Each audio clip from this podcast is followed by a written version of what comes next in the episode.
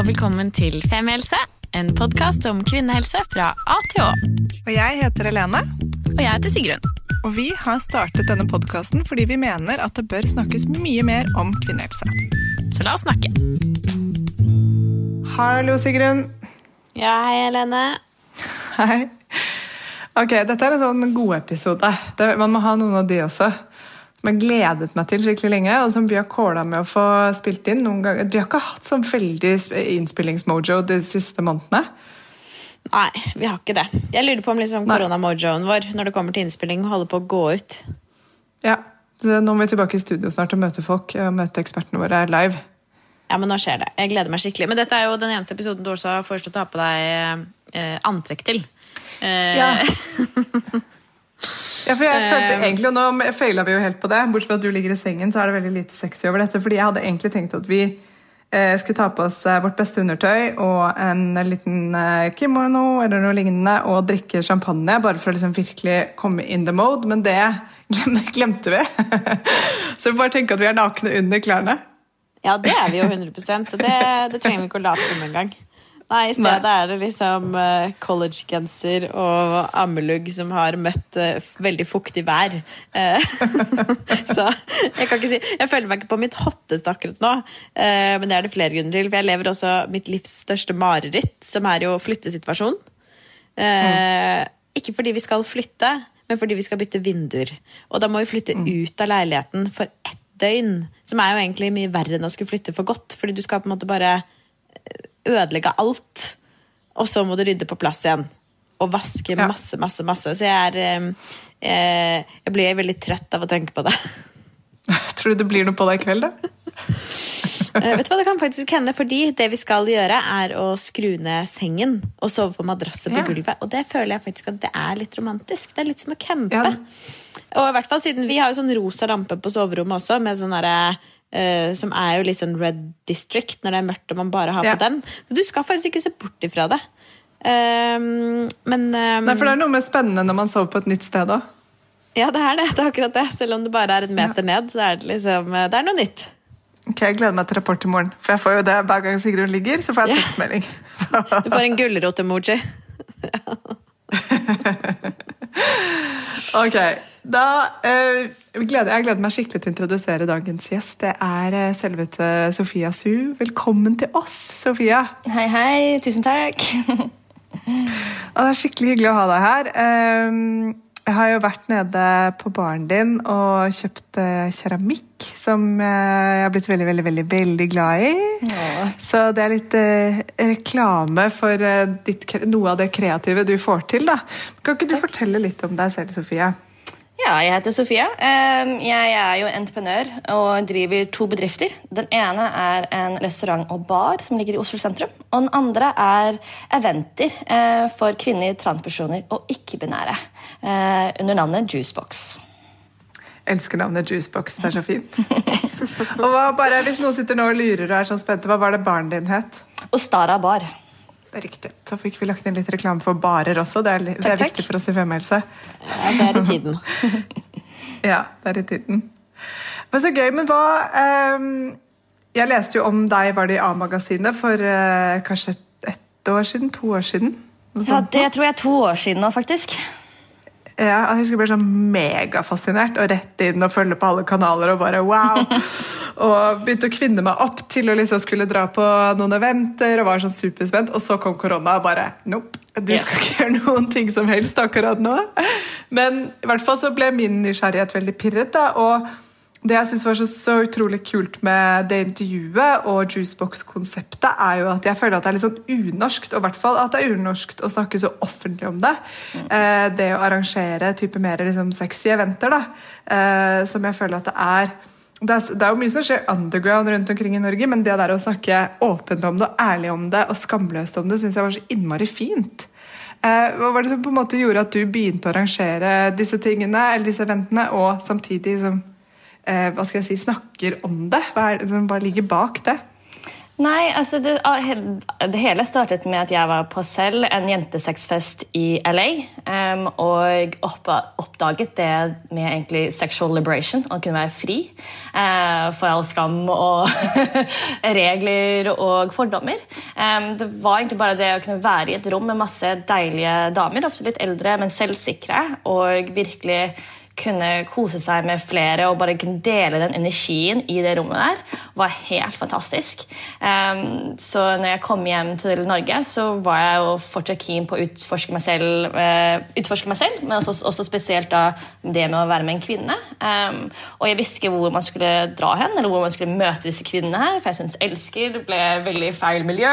og så uh, dra ut på Vanebyen, så var det veldig vanskelig å sjekke opp damer. Det visste ikke jeg hvordan man skulle gjøre.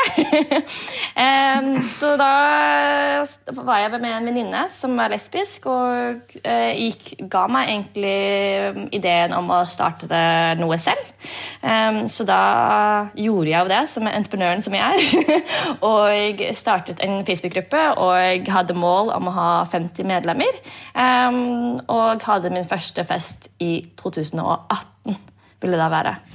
Um, og det skjedde ikke noe fest, sex på den festen. Det var bare jævlig mye warm-up, og der forsto jeg hvor kompliserte vi kvinner er. Men uh, nå har jeg jo nesten 5000 medlemmer, er vi snart. Um, og nå har jeg jo kjørt masse ulike typer venter, for jeg ser at det her er noe vi trenger i Norge. Fordi jeg fant ut at Det handler ikke bare om sex, det handler om den, egentlig, den seksuelle, seksuelle, revolusjonen vi trenger i verden. Eller egentlig fortsettelsen av den seksuelle revolusjonen. Og det, Med det mener jeg da at egentlig da, sexual liberation, sexual education, uh, exploration uh, and empowerment. Uh, det å både ta eierskap over sin egen seksualitet, et sted hvor du kan føle deg trygg og utforske din seksualitet. Um, og du kan få kunnskap om det. Og også den hele jeg fant det også, det handler om community. Um, å være, eller finne andre mennesker som uh, tenker likt som deg, som ikke dømmer deg for at du liker føtter, eller hva enn det skulle være. liksom. Um, og egentlig ha en community hvor vi støtter hverandre og er liksom compassionate. da, har jeg også merket det har vært ekstremt viktig um, da for kulturen i Norge. så det har vært noe som har vært veldig sånn driftskraft da, hos meg. Altså, det er helt nydelig. Ja, det er dritspennende, og jeg blir veldig nysgjerrig på hvordan det er verdt å gjøre dette i Norge. Altså, har, eh, er det mange som har vært klare for dette? Har du inntrykk av det? Nei, så det jeg merker jo for først er jo at ja, det her er veldig nytt i Norge. Så jeg vet at i hvert fall 80% av mine medlemmer er tittere. De er som ikke tør å komme på event ennå, men de er veldig nysgjerrige og vil bare være med i gruppen og bare se hva vi snakker om. og liksom hele den biten der. Um, så Det er derfor jeg også starter med ulike typer eventer som, har, som skal sånn enkle sånn entry level, da, kan man jo si, som ikke er så intimidating. Um, som er um, både liksom form av uh, Titty-techno, kan man jo si, som er mer en fest ut på min bar. Eh, hvor eh, du skal bare danse toppløs liksom, til tekno. Eh, men også eventer som skal starte female circles, men juicy circles. Hvor det ikke handler om sex, men bare kunne snakke om sex åpent og eh, få støtte i en sånn samling. Um, så har vi Nå skal jeg også starte noe som heter hva skal jeg si, eh, Mini Juicebox, som blir mindre eventer for de som ikke har vært med før. Um, som er mer liksom, en introduction to juicebox, sånn sett. Um, så ja, det er bare ekstremt mange ulike typer eventer og konsepter som bare kommer helt organisk. som jeg ser vi trenger det. Men uh, ja, det er absolutt veldig mange som er nysgjerrige og også veldig vettskremte av det, men syns det er gøy selv om. Um, og så er jeg også en god del jenter som bare Ja, endelig Norge! Jeg har sett det her i hele, mange steder i hele andre verden. I verden. Um, så det er gøy at det endelig kommer til Norge også. Og jeg syns jo det eh, ordet som er liksom compassion, som jeg syns er vanskelig å oversette til norsk, men som på en eller annen måte blir liksom omsorg da, eller medfølelse. Men medfølelse på norsk føler jeg blir litt sånn medynk. Så liksom sånn, men det jeg liker å blande det inn i det å utforske seksualitet. Fordi eh, i hvert fall min hjerne kan gå til å utforske seksualitet, eller mine tanker så kan det være å utforske seksualitet med andre kan være liksom eh, bare det ikke blir perverst eller liksom groteskt eller skummelt eller overgår grenser, eller at man gjør noe man angrer på. Altså, at, fordi seksualitet kan jo også gå på en sånn fin linje, men når man har med den derre compassion og medfølelse det der å passe på hverandre og lytte til og se, så er det plutselig som en helt annen ballgame. Da. da er det noe helt annet vi snakker om her som jeg syns er mye eh, ja, Som er en sånn ny tanke på det, som jeg syns er veldig fint. da. Jeg føler jo man fort kan eh, kalle det for omtanke, eh, både til seg selv og til andre. At det kanskje er en fin måte å oversette på. Eller jeg synes i hvert fall det er et begrep som rommer veldig mye varme. da. Nei, det er jo de fleste, Når de tenker på sexfest, så tenker de om mørk kjeller liksom, med lakk og lær og rødt. Um, så, og det tror jeg også, for det er flere menn som har startet disse sexfestene. så, men, eh, så derfor vil jeg lage sexfest på ny da, med at nå er vi på en veldig fin leilighet, det er stearinlys, det lukter godt. Det er liksom den feminine touchen da, som jeg synes er veldig viktig for å føle seg trygg og føle seg hjemme da, i et sted også. liksom. Men tror du nettopp denne eh, oppfatningen veldig mange har av sexfester, fører til Fordi veldig mange av de spørsmålene som vi har fått inn, da vi samlet inn spørsmål fra dere som følger oss på Instagram, gikk på nettopp dette med skam knyttet til det å utforske egen seksualitet. Enten alene eller sammen med, med partner. Um, og tror du det kan være fordi at man ofte tenker at det å utforske egen seksualitet er litt sånn? altså Nettopp litt lakk og lær? Altså, jeg vet ikke. Jeg tror det er bare for at vi ikke ut, vi har jo det, vi, har jo ingen referansepunkter. Det er jo veldig lite som skjer der ute av sexfester. Så det eneste vi har å referere oss til, eller liksom bygge assosiasjoner på, er jo eh, media eller ting vi hører. eller jeg som, altså, Det har jo vært veldig lite av det. Så det er veldig der snevret, kan man si, hva man tenker. Eller man ser bare på mainstream porno. Og det er også helt feil bilde av hva egentlig realiteten er. Um, så det er jo mer å altså Utforskning av seksualiteten handler jo om å widen your horizon og se hvor mye ulike nyanser det er til seksualitet. Eh, Og man er egentlig veldig personlig om man på en måte egentlig lager sin egen verden, og hvordan du vil ha det. Det er ikke hvordan den andre har det, eller en type katologi som du må følge sette i. liksom. Det er jo noe utforsker egentlig deg selv, på en måte. Og det tror jeg er, og det tenkte jeg på da vi skulle begynne å spille inn denne episoden og sendte inn spørsmål, så var det en som skrev noe rundt det å onanere og utforske det, og så tenkte jeg sånn Fader, jeg gjør, jeg tror jeg gjør det samme hver gang. og så rett etterpå så leste jeg en artikkel som var sånn uh, eller, Nei, det var en på Instagram som delte sånn forskjellige måter du kan onanere på en sexolog, og så ble jeg sånn Fader, så lite jeg liksom er kreativ på egne vegne. Det er liksom sånn der, ok, funnet en måte jeg kommer på, ja, da gjør jeg den, da. Og det er ikke sånn der, fordi Når du har sex med en partner, så kan man i det minste prøve litt nye posisjoner og litt stillinger, og du møter andre preferanser, og så tester man litt ting, og bla, bla. Men på egne vegne jeg bare Fy fader, så kjedelig jeg er på egne vegne! Altså, Her må det spices opp. Her må jeg ta meg sammen og tenke kreativt for meg sjæl, liksom. Jeg er nesten litt sånn flau, jeg. Nei, men det tror jeg veldig mange gjør. For det er, det ofte, det er jo en sånn at Vi har jo det målet at vi skal komme. Orgasme. Det er målet. Ja. Og da skal vi komme fortest mulig. Og da vet vi jo selv hvor vi kommer oss fortest mulig, og da gjør vi jo det. Så det er jo absolutt en utfordring i oss selv. Det å både, blant annet, Du kan se på feministisk porno som Frolic Me eller Erica Lust, som har det som veldig fine videoer. Um, og måte, Du kan liksom late som du er den ene personen i videoen, og da må du følge dens rytme. For da må du liksom limit it yourself med ikke gjøre det du vanligvis gjør. Eller det jeg også kan anbefale, er jo Oh My God Yes. Den uh, nettsiden, den plattformen der, som dere kanskje har hørt om, den er jo basert på 20 000 eh, kvinners studie, eller ja, vitenskapelig studie på dens nytelse. Og det er så mange ulike typer teknikker. Um, og det er fascinerende å se hvor forskjellige vi kvinner er. Um, og på en måte, der kommer man til å få inn uh, nye teknikker. Liksom. Ok, I dag tar jeg prøve den her, i morgen prøve en annen. liksom. Ja, Det er uh, superspennende. og det er jo altså sånn, For det var liksom mind-opening bare da, ja, for noen uker siden. da Jeg bare tenkte dette, så bare wow! Så lite jeg har egentlig liksom utforsket, og så mye som kan utforskes. da, som er liksom, ja. Så jeg har i hvert fall begynt å tenke mye mer rundt på en måte, Og med, også sett fra et feminint perspektiv. fra liksom Kanskje eh, Jeg vet ikke om dette her gjelder um, Jeg tror det gjelder en del, hvert fall, fordi jeg føler liksom gjenhør hos en del. Men at når man er yngre og kanskje mindre sikker, så er det mer sånn maskulin energi i den der seksualiteten. For det er jeg vet ikke, Man kanskje ikke tør å si helt hvordan man vil ha det, og gutta har sett på porno og håper og tror at de gjør ting riktig. altså det er, det er, eh, ja, Og det der å ta eierskap til egen seksualitet, da, det er um, That's a journey, for å si det sånn. Oh yes, det tar tid. Det tar tid, og det er det jeg også sitter og tenker på. Liksom nettopp det å ta seg tid eh, til å gjøre dette her.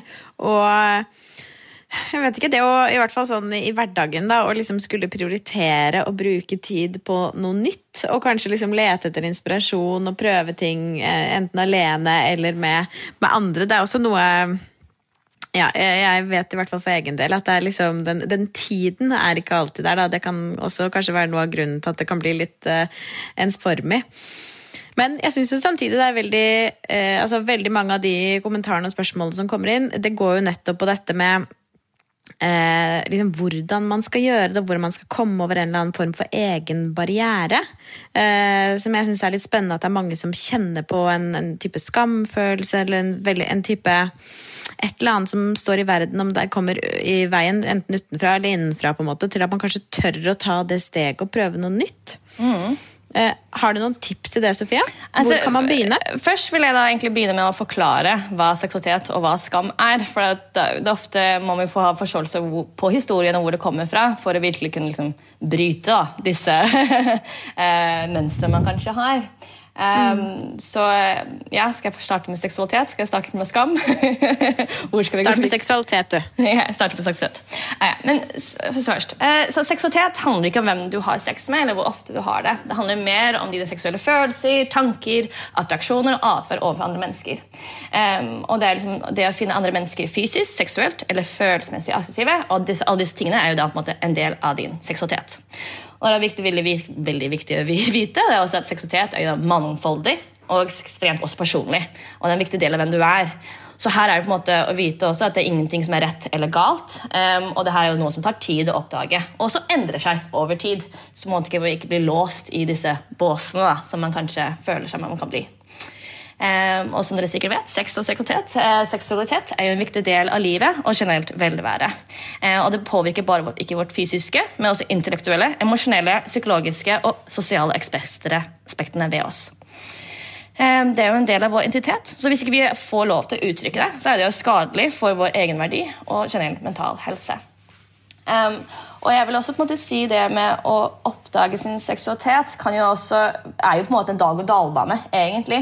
Um, for sånn som min, meg, når jeg forsto det at jeg likte kvinner uh, Det har jo gått frem og tilbake fra heterofil til bifil til sånn Nei, men bifil det, det stemmer jo ikke. Vi er jo ikke bare to kjønn. vi er jo flere, Det fins jo flere kjønn. Da må vi være panseksuell til å tro at nei, men nå er jeg lesbisk. og finner min første jentekjæreste. Da var jeg sånn, nei, men nå er jeg lesbisk. Og så gå tilbake til nei, ok, nå har jeg en, en herre, en mannpartner.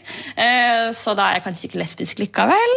Altså, det har jo Jeg merker liksom også disse båsene er jo for å, at det er egentlig å kategorisere, og vi er jo sånn som vi mennesker er. Uh, og liker å kategorisere og gjøre det forenklet. Men jeg merker det med egen seksualitet så er jo det en skala. Det er jo ikke bokser. Um, og når i hvert fall jeg innså det, så var det jo mye mer befriende å ikke føle at jeg måtte hele tiden finne ut av hvem jeg er, men heller bare nyte meg selv akkurat her og nå og forstå at jeg liker en mann nå, og så vil jeg kanskje like en kvinne senere. Og så blir det kanskje at ikke blir nær i fremtiden. Eh, men det er liksom en hel reise, da, sånn sett. Eh, så det er på en måte også viktig å huske å stole på prosessen og ha tålmodighet, ikke minst. Og ja, og dagens seksualitet kan også være ekstremt forvirrende. det er det også.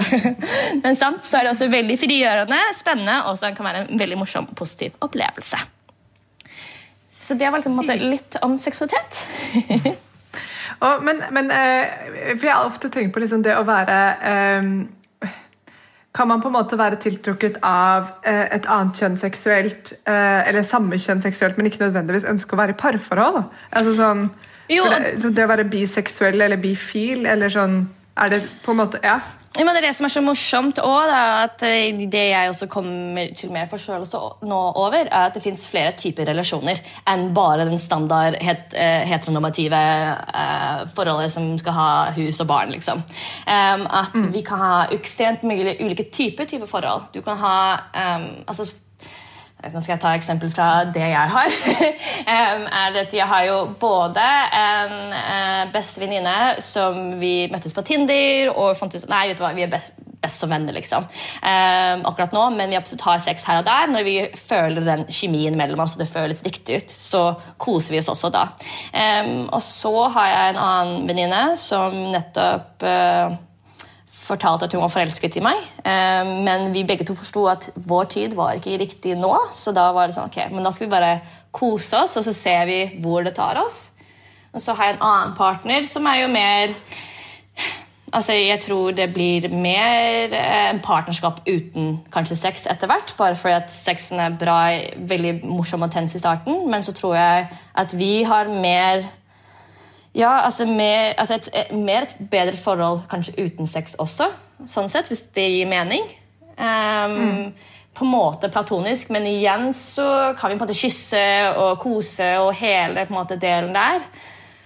Altså, og så kanskje noen andre sier nei, men vi er best sammen i trekant. liksom. Da vi, utfyller vi andre alle sammen, liksom. Um, eller noen som nei, vet du hva, har sex en gang iblant. liksom. Vi har middager et par ganger, liksom, og så er det hyggelig. Um, men ja, det fins utrolig mange variasjoner av forhold og relasjoner. Og i og med at vi alle er så ekstremt forskjellige, og hver relasjon er jo unikt, så må man jo egentlig finne ut hva er best for oss, oss to, liksom. Og kommunikasjon er jo ekstremt viktig her. da, Og måtte finne ut ok, det her er bra for oss, og så kanskje endre seg etter tid, eller hvordan ting skjer. Ah, det er så befriende å høre på. Det er så gøy. og bare definisjoner og uh, ja. Jeg, ja. Jeg har ikke så mye mer å si enn det. At jeg synes det var gøy og befriende å høre på. kan vi ikke eh, snirkle oss videre inn på skam? Ja. Det er en fryktelig frustrerende, frustrerende følelse. Ja. Mm. Jeg kan bare ta en liten bro derfra, fordi eh, nå har du nettopp snakket om mange ulike forskjellige konstellasjoner av relasjoner, og også det du snakket om med egen seksualitet, at det er jo på en måte en skala eh, som ikke nødvendigvis trenger å være fast, og det er mange sider av seg selv man kan utforske, men tror du Eller jeg tror jo, eller kan tenke meg, at denne skambiten også kommer inn som en del av liksom frykten for endring. Eh, på en eller annen måte. Både for seg selv og hvem man skal være. og liksom, okay, Da må jeg finne ut av det også, men også overfor andre og de man har rundt seg. da. Mm. Ja, absolutt. Skam stor, er egentlig, spiller en veldig stor rolle i vårt samfunn. Eh, overraskende mye. så jeg kan fortelle litt først hva skam er, og så kan vi gå på litt historie. For det er egentlig veldig spennende. så først, Skam er måte, i det store hele betraktet som en følelse som innebærer selvrefleksjon og evaluering. Vi henter vår seksuelle skam fra verden rundt oss og begynner med meldingene vi mottar som barn fra våre foreldre, samfunn, kirker og kultur. Så denne seksuelle skammen er jo da direkte assosiert med avhengighet, depresjon, angst og spiseforstyrrelser. Men her er jo da på en måte viktig å tenke på at din skam du har nå, er ikke din skyld. Og det må ikke være en del av deg. Dette er noe du kan endre på hvis du virkelig har lyst til å jobbe med det. Det er liksom ikke noe du, er født med skammen. liksom. Dette er opplært fra tidligere alder. Og eh, Tegn på seksuell skam kan jo være at man ikke er komfortabel med utseendet på sine kjønnsorganer. Eh, kan oppleve en flom av autent selvdømming eller kroppsusikkerhet. At man ikke tør å være høylytt under sex. Eh, seksuell skam kan jo hindre tenning og klimaks. Eh, at man for ikke tar på seg selv, kan jo også være seksuell skam. Eh, eller at man blir flau når man snakker om sex. Um, og det tror jeg nesten 90% av nordmenn er. Så seksuell skam er jo overalt, og det er skikkelig infiltrator i vårt samfunn uten at vi egentlig er så bevisst på det, tror jeg. Um, jeg tror det på en måte bare um, ja, vi, ja, vi, tenker ikke nok over det, og det er derfor vi må ha det på dagsorden nå. liksom. Um, men du har på en måte et eksempel på det blant annet med nakenhet også. hvordan vi nordmenn er ikke så veldig naken av oss og syns det er også veldig skamfullt å være naken. Um, jeg hadde jo en tysk kjæreste en gang, og han var veldig komfortabel med å være naken. Og da sa han det for at han ofte som yngre barn ville jo dra på badstue med sin familie og venner. Og sånne ting. Og i badstue så, så, er man jo alltid naken, for det er jo mest hygienisk. Og fra ung alder så ville han bli eksponert fra mange ulike typer kropper. Eh, og da forstå at vi alle er så sykt forskjellige, og være naken er helt normalt. Det er helt menneskelig. Så da det, og han har lært det fra barndommen, har gjort også at han er eldre, så er jo ikke så rent fri, det å være naken. liksom. Eh, men skammen i Norge eh, kom jo da i middelalderen, når kristendommen overtok samfunnet vårt og forbød sex. Så I Norge betydde det at vi ikke var lov å ha sex på onsdag, fredag, lørdag eller søndag. Heller ikke tre uker før jul, romjulen, påsken eller pinsen. Oralsex var også ikke tillatt om vi ikke kunne ha sex i daglys. Så det er ikke rart at vi har problemer med sex. altså, Hvis det var reglene på den tiden, der, så er det ikke rart at det jo, tar jo flere hundre år før vi faktisk får en revolusjon. Og det har jo vært en seksuelle revolusjonen har vært inkrementell liksom, fra uh, ja, 1800-tallet var det nok starta. Um, så kan man også lure på liksom, hvorfor var kristendommen så imot sex. Liksom? Hva, hva, er grunnen? og eh, Det de tror, var jo da at disse prestene var jo ofte veldig redd for sex, for det handler om det med begjær. At man kan miste seg selv når man har skikkelig lyst på noen. Og det kan jeg absolutt relatere meg til. At jeg har totalt mistet min rasjonelle tenkning og bare ble helt sånn Ja, ta meg! Uh, I en seksuell act. Og hvordan du ikke tenker logisk. Og, um, så jeg kan forstår liksom at du kan miste deg selv med gåsetegn liksom, eh, i, eh, når du har skikkelig lyst på noen, eller liksom i en seksuell act. Så jeg kan forstå derfor at, måte, at disse prestene var liksom redde for dette her begjær.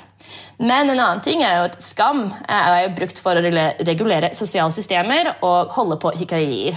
Så det var også en måte for dem å få kontroll på menneskene ved å ha kontroll på vårt sexliv.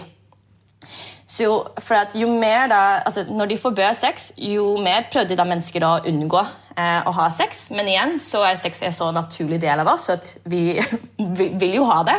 Eh, og vi vil jo også absolutt ha det vi ikke kan ha. så vi blir mer tiltrukket av det. Eh, men da når vi har sex, så vil vi føle oss som syndere, og da trenger vi bli reddet av kirken. Så det er sånn, litt sånn evighet evil loop akkurat det der når de forbød sex. Um, så det var litt historie. Um, og når jeg blant annet forsto det her, så var jeg litt sånn Men hæ? Det her gir jo ikke mening for meg i det hele tatt. liksom. Så altså, Det første trinnet for å overvinne skam er jo å anerkjenne det som et menneskelig trekk. Um, og Da er det på en måte å kunne forstå hvor skammen har dukket opp, og da også muligens merke årsaken. Og Dermed er det opp til deg å måte, håndtere responsen på denne følelsen du har. Altså, det er på en måte, derfor på en måte meditasjon er så ekstremt viktig.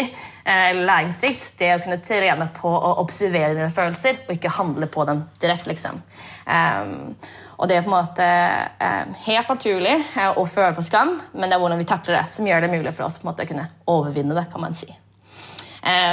Og Fjerner man denne barrieren, så kan man virkelig da oppleve nytelse til sitt fulleste å finne nye sider av seg selv. Eh, men som sagt, ikke å fjerne følelser er vanskelig, og det krever tid og det krever trening. Eh, men så man må jo akseptere at man har skam, men da være bevisst på det er på det som er viktigst. Um, og i forhold måte, til det her da, med å jobbe med skam, så er det i hvert fall to ting som jeg har sett som er veldig viktig, eller har liksom størst man kan legge nesten vekt på. Den ene er eh, egentlig eksponeringsteori. Eh, det å eksponere seg for ting eh, over tid vil gjøre at kroppen og hjernen føler det mer normalt. Eh, som, det å gå naken. Dra på The Well og gå naken. Se mer nakne mennesker. Så vil man også måte, forstå at Eller forstå at nakenhet er også naturlig og føle seg kanskje mer naturlig i sin egen kropp. Jeg arrangerer også nakentekno på Sara, og det er jo på en måte ikke noe sexorientert eller mål. sånn sett. Det er mer at hei, du skal bare være deg selv, kjøpe en øl og være sosial naken. Og det er så morsomt, for De fleste som kommer, er kjempenervøse, men de kommer inn så bare Å ja. Det mest naturlige her er å være naken. Herregud, ja, jeg kan ikke ha truse på. Nei, nei, nei, det her var rart. så eh, det er jo å, å, å eh, sette seg i sånne situasjoner da, hvor du kan eh, ja, eksponere deg for uh, både nakenhet, men også mennesker som er åpent sinn. Og da liksom disse, disse minglefestene da, som Juicebox har, kan være en sånn fin innføring hvis man ikke tør å dra på en ekte fest. Men igjen, å kunne dra på naketekno er jo en stor terskel i seg selv eh, for veldig mange. Det forstår jeg også. Um, og Derfor er det på en måte veldig viktig å finne deg en, finne en støttegruppe, eller en community. For støtte under da, denne prosessen her er jo også veldig viktig. Enten i form av circles, sånn sett, med å finne andre damer som støtter deg, og du føler eh, support, egentlig, og kjærlighet og kan få selvtillit ut av det her. Og støtte i form også av um, ja, støtte og eksponering også, med å følge ulike eh, kontoer på sosiale medier. For det er noe jeg gjør med Juicebox sin sosiale medier, er jo på en måte prøve å eksponere eh, folk for ulike typer kropper og liksom det med transmenn og transkvinner. For jeg merker selv liksom at hvordan eh, jeg syns da drag queens ikke var så fint før. Jeg syns det var litt rart. og var sånn, mm, ok, det her forstår jeg ikke. Men så begynte jeg å komme over veldig mange drag queens på Instagram. og bare, aha, men det her er jo helt fantastisk, for da forsto jeg all den tiden de bruker for og all den sminken og all den liksom, uh, outfit og uh, utkledningen de gjør. Uh, men den hele 360-180 grader forandringen de gjør også med sitt bilde er jo også helt fantastisk. Um, og hvordan kjønn er egentlig ikke binært, sånn sett, så det er også egentlig en skala. Så det var jo på en måte å bruke sosiale medier til det positive. da, kan man også gjøre, ved å eksponere seg for sånne ting. Um, og jeg fikk også en kommentar fra en i gruppen på Juicebox. det at hun følte mindre skam bare å være med i gruppen. Ikke med å på en event, men bare være med i gruppen og se andre damer snakke høyt om sex. Og det var sånn, å ja, men det fins, og det er normalt, og det er helt ok.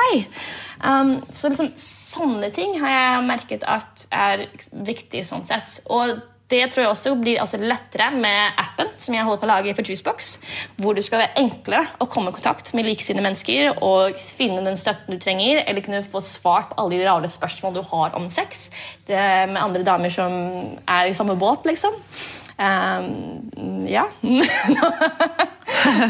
blir det mye prating, så jeg sporer litt av her igjen. Men uh, ja. Det er nydelig. Jeg digger det. Det er helt nydelig å høre på. Så, ja, Det er kjempefint. Og så tenker jeg um, jo, også, fordi Ref det der med å prate, uh, så tror jeg jo um, i hvert fall så det går litt for lenge mellom hver gang jeg snakker med, om sex med venninnene mine. Og jeg tror at vi snakker om det på litt sånn Typ sånn Har dere hatt sex? ja. Var det bra? Ja. altså sånn eh, Det å snakke mer om egen seksuell helse er det jeg mener. Ikke sitte og dele eksplisitte detaljer om en seksuell akt med en partner eller alene.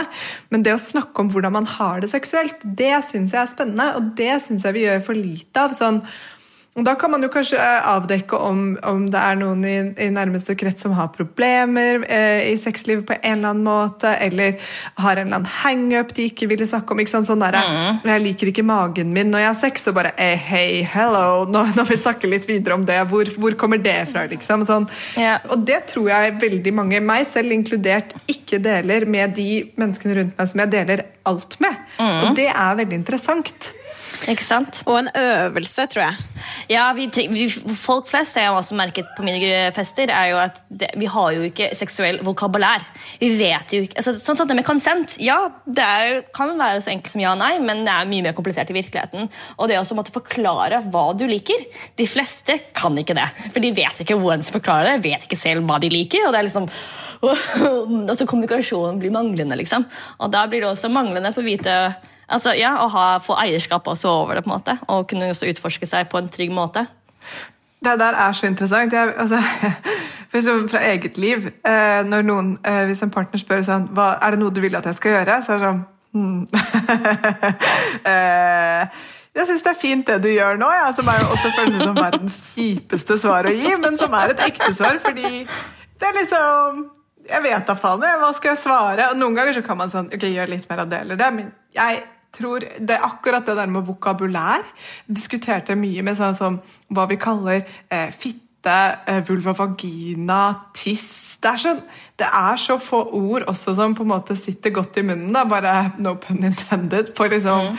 hva vi kaller kroppen vår, og hvordan vi snakker om det. Som jeg tror også kan være knyttet til den skammen. Da, fordi mm. kan du ta meg litt hardere på fitta? høres jo liksom for meg så blir det plutselig sånn vulgært, da, men eh, kan du liksom ta meg på vulva? er også helt sånn klinisk og rart. Så det er sånn der, Da blir det ofte kan du ta litt hardere på meg?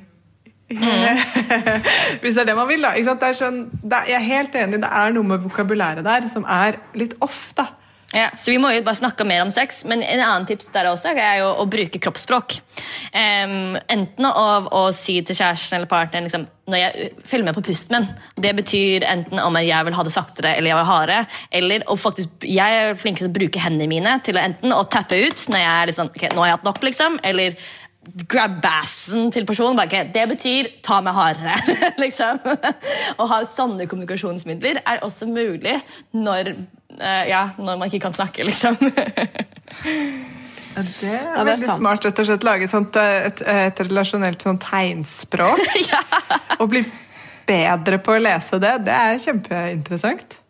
Hmm. Ja, det er jo det er helt perfekt. I hvert fall med partner som man er sammen over litt lengre tid. Og så tenker jeg også kanskje det kan handle litt om den forventningen man har til, eh, til sexen. At eh, i hvert fall veldig mye av den sexen man ser på film, og kanskje ofte også på porno, handler jo mye om at det, måte, at det bare blir fantastisk av seg mm. selv. At han bare og hun bare vet hva de skal gjøre, og så er det bare kjempedeilig, og så kommer de begge to. Og at man kanskje også har et ønske og en forventning om at liksom, dette skal skje organisk. da, mm. Og nettopp slippe å svare på det spørsmålet, Lene. Altså, sånn, er det noe du vil at jeg skal gjøre? Nei, jeg vil at du skal vite hva du skal gjøre. Hvor det er en kjempevanskelig mismatch. Det er jo en kjempevanskelig vanskelig mismatch, ikke sant? Fordi jeg kan jo ikke vite det. Jeg har ikke ligget med deg før. Altså sånn. Jeg vet ikke Nei, vi alle er jo ekstremt forskjellige. ja, det er akkurat det, hvor man kanskje må gjennom da, en litt sånn vond eh, Eller ikke nødvendigvis vond, men kanskje ikke det man egentlig vil. Eh, enten om det er med, med, ord eller med kroppsspråk. Og prøve i hvert fall å si sånn litt av dette, litt av dette, før man kan komme til den organiske eh, festen av en eh, naturlig sexakt. Men eh, ja, Så det kan jo kanskje gjøre at noen føler at ja, at det er en liten vei å gå, da. Mm. Og det er jo å starte med baby steps. Det her, det her, tar tid, liksom. Tar, jeg har tatt meg tid også å kunne uttrykke meg. Okay, nei, nå må du gjøre det stille. Nei, du må ta litt hardere. Nei, jeg må ha noe i rumpa, liksom. Det, er, det krever tid. Men litt og litt blir enklere, liksom. Mm. Jeg jeg synes det, det, du sa i sted liksom innledningsvis når vi snakket om det med å onanere, eller altså det der jag etter orgasme også, som vi har sagt litt om før i tidligere episoder, også kan fordi jeg tror det ligger en eh, kanskje en sånn dobbeltsidig skam hos eh, kvinner, ofte da kanskje med mannlige partnere, sånn rent statistisk sett, at eh, det kan være sånn vanskelig å komme for enkelte. eller sånn at Det, det er ikke nødvendigvis at, en, at eh, sex eh, alltid ender i orgasme, at det også kan være et press. Og som man også kan føle skam rundt hvis man ikke får til. på en måte da. Um, og I forbindelse med denne episoden her så gjorde jeg privat egen research på tantra. Ja. Jeg synes det virker spennende, og Da var det en som tilbød men i Oslo er det flere som gjør det, som tilbyr, tilbyr, tantrisk massasje. Og det jeg likte beskrivelsen på tantrisk massasje, var at eh, det handlet om berøring og kroppskontakt uten eh, mål om orgasme eller eh, forventning fra den som gir deg massasjen. At du skal gi noe tilbake. Og det tenkte jeg sånn interesting. At man på en måte skal ligge og ta imot en, en sensuell eh, berøring uten at man skal inn og tilbake uten at du skal komme. Da tenkte jeg sånn, Det er, det er et nytt perspektiv på seksualitet og hvert fall mm. sensualitet som jeg ikke hadde tenkt på engang at eksisterer. Mm. Men som, veldig, som, jeg blir sånn hm, Spennende. Uh, så ja, mange, mange, lag og mange nivåer som jeg uh, I hvert fall for meg, da, som nå Nå har jeg begynt å tenke på alt dette, endelig. ja, nei, men Jeg merket også hvor, hvor, altså, hvor, deilig sex kan være hvis du også tar bort den der uh, ja, forventningene. basically, ja, Forventning om orgasmen. Um, fordi når jeg også fikk min første jentekjæreste, vi kunne ha sex i seks timer, men uten å komme.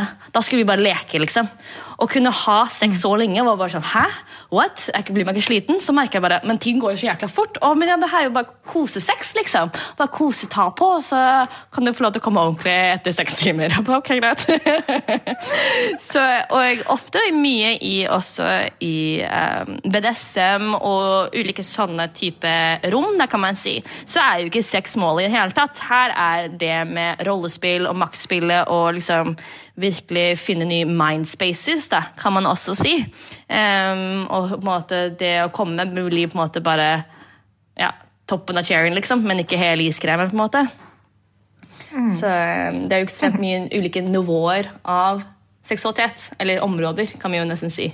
Ikke bare orgasme. Ja, nettopp. Og, nett, og, det er jo kanskje også av og til litt som du sier, det er, det er cherry on the top, men det er ikke hele iskremen. fordi når uh, Ofte når man har kommet, så er det jo også ferdig. så mm. er det jo Da er, da er man den. Uh, det var det. Takk for, takk for oss. ja. Så er det jo kanskje litt det denne utforskningen handler om, tenker jeg. Å finne ut av iskremen uh, og ulike måter å komme til the cherry on the top. Mm. Mm. Det er jo det. Iskremen er jo egentlig bare en stor univers med masse ulike muligheter. Med måter å føle en nytelse på, mulighet, nye muligheter å komme på også. Og eh, ja, Mindspaces syns jeg også er veldig gøy innenfor seksualitet. Ja, det er så fint å tenke på. Um, men jeg lurer på, Sofia, hvis du kanskje, uh, for å prøve Hvis vi skal samle oss litt uh, rundt slutten her nå Har du lyst til å prøve å komme med noen sånn oppsummerende tips til de der ute som enten alene eller sammen med noen andre har lyst til å starte eller videreutvikle sin uh, reise med å utforske og finne fram til sin egen seksualitet? Um, jeg vil nok si at det er altså Det er jo på en måte enklest å utforske kanskje på nett, vil man kanskje si, med erotisk kunst, podcaster, bøker, sosiale medier. Du har jo også som sagt Aircolast og Frolic Me, som er to veldig feministiske pornosider som man kan måte åpne seg opp. Men det er også å gå på tantrakurs er også kjempegøy. Eh, eller bellydancing, pole dancing, for å virkelig komme i kontakt med sin seksuelle liksom, energi. er jo også veldig gøy. Burlesk, eh, bli med i Gaia Gang. Det er jo kjempepowering å virkelig kunne danse så, med så mye selvtillit og eh, sexy, liksom. Og, eh, og forstå kraften i det. Ehm, men du også har eventer. Ehm, både juicebox-eventer, sånn sett, men du har også Everysum, som er en mye større fest. Men der har jeg fått flere par som har dratt dit, og bare etter vi var der, så bare kunne vi snakke mye mer om sex. For da hadde vi på en måte altså, da var det enklere for oss å snakke om sex i soverommet når etter vi hadde vært på en sånn stor sexfest. Ikke at vi hadde sex med noen der, men bare å være i en setting som var så seksuell fri, da, kan vi jo si. Um, så ja, anbefaler å dra på disse eventene og sånne ting også. Uh, men det er også uh, veldig viktig at uh, det er helt lov å være usikker når man oppdager seg selv.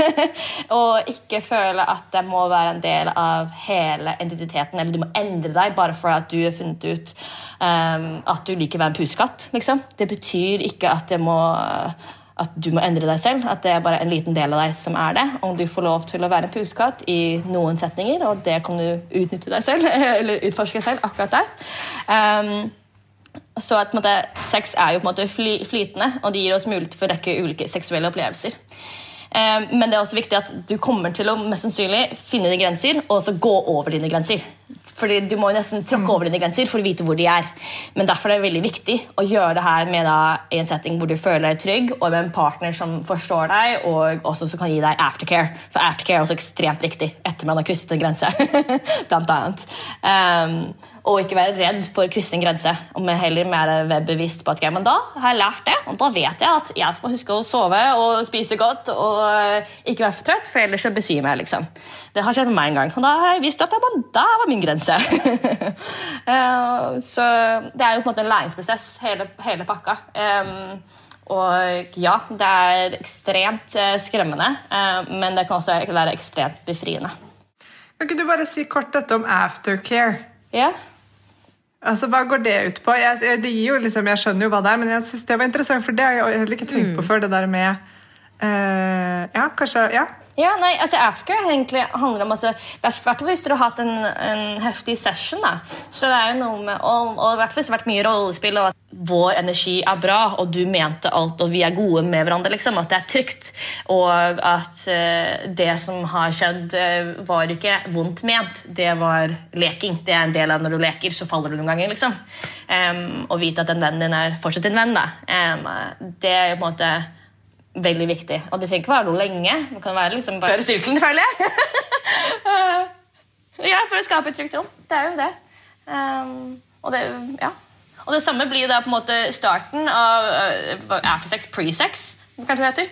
Det da å ha kommunikasjon og snakke om consent, og snakke om, men også være åpen om at jeg vet hvor mine grenser er, så vi må ha en åpen dialog.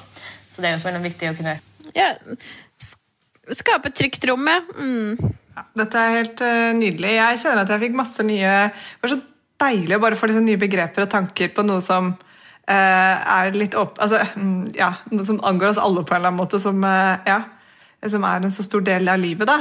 Eh, veldig gøy. Herlig. Skikkelig, skikkelig spennende og morsomt og inspirerende å høre deg snakke, Sofia. Så bra. Jo, men en ting til også, da. Og det var jo også det at eh, når du skal teste nye ting, så er det også vite at så er ikke sikkert du klarer å være pusekatt for alle sammen, men kanskje den ene personen der ute. Og ikke gi opp bare fordi at den ene fyren ikke forsto hva du egentlig mente. eller hva det skulle være liksom. At uh, Det er uendelige muligheter der ute, så du må bare gå ut og utforske deg selv. Yes, Ja, bra. Og med det så begynner vi å rappe opp denne episoden, som blir sluppet akkurat når folk begynner å kunne stikke ut igjen på byen og kose seg, og roaring twenties are coming. Og nei, dette Og blir det bra. er vår og sommerkjole og ja, ja, ja. Det er så bra, Sofia. Ja, vi håper dere som hørte på, syns dette var eh, like fint og morsomt som det vi syns. Og tusen takk for at du var med, Sofia. Det var eh, skikkelig stas. Vi gleder oss til å besøke deg på baren din og til å snakke mer med deg. Tusen, tusen takk selv. Og disco, titt, tit, disco skjer, Sigrun. Er du klar? Titt, ja, ja. Tittisco skjer. Helt klart. Titti tekno, men ja. Titti Titti tekno. ja. Jeg er så gammel at jeg er på tittdisko, jeg. så bra. Nei, Ok, tusen, takk, til både Sofia. Sofie og dere som hørte på. Vi snakkes neste uke. Ha det! Yes, det vi. Ha det. Tusen takk for at du hørte på podkasten vår. Selv om det forhåpentligvis kommer tydelig frem, så vil vi understreke at vi ikke er helsepersonell. Ja, så Som vanlig, kontakt legen din om du har noen spørsmål eller om du skal begynne på noen form for behandling. Og har du et tema som du har lyst til at vi skal snakke om, eller noe ris eller ros, så send oss gjerne en melding på Facebook eller på Instagram. Der finner du oss under Femihelse. Og du kan gjerne rate oss på iTunes, det er skikkelig hyggelig for oss. Ha en fin dag! Ha en kjempefin dag.